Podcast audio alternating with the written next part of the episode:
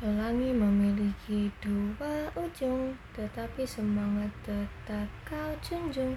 Bagianmu di ujung pertama menjadi peluncuranku yang cuma-cuma.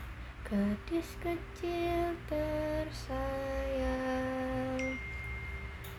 ingatan tentangmu terus tayang.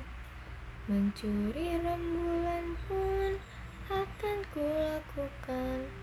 Tetapi menjadi dirimu hanya bisa ku andaikan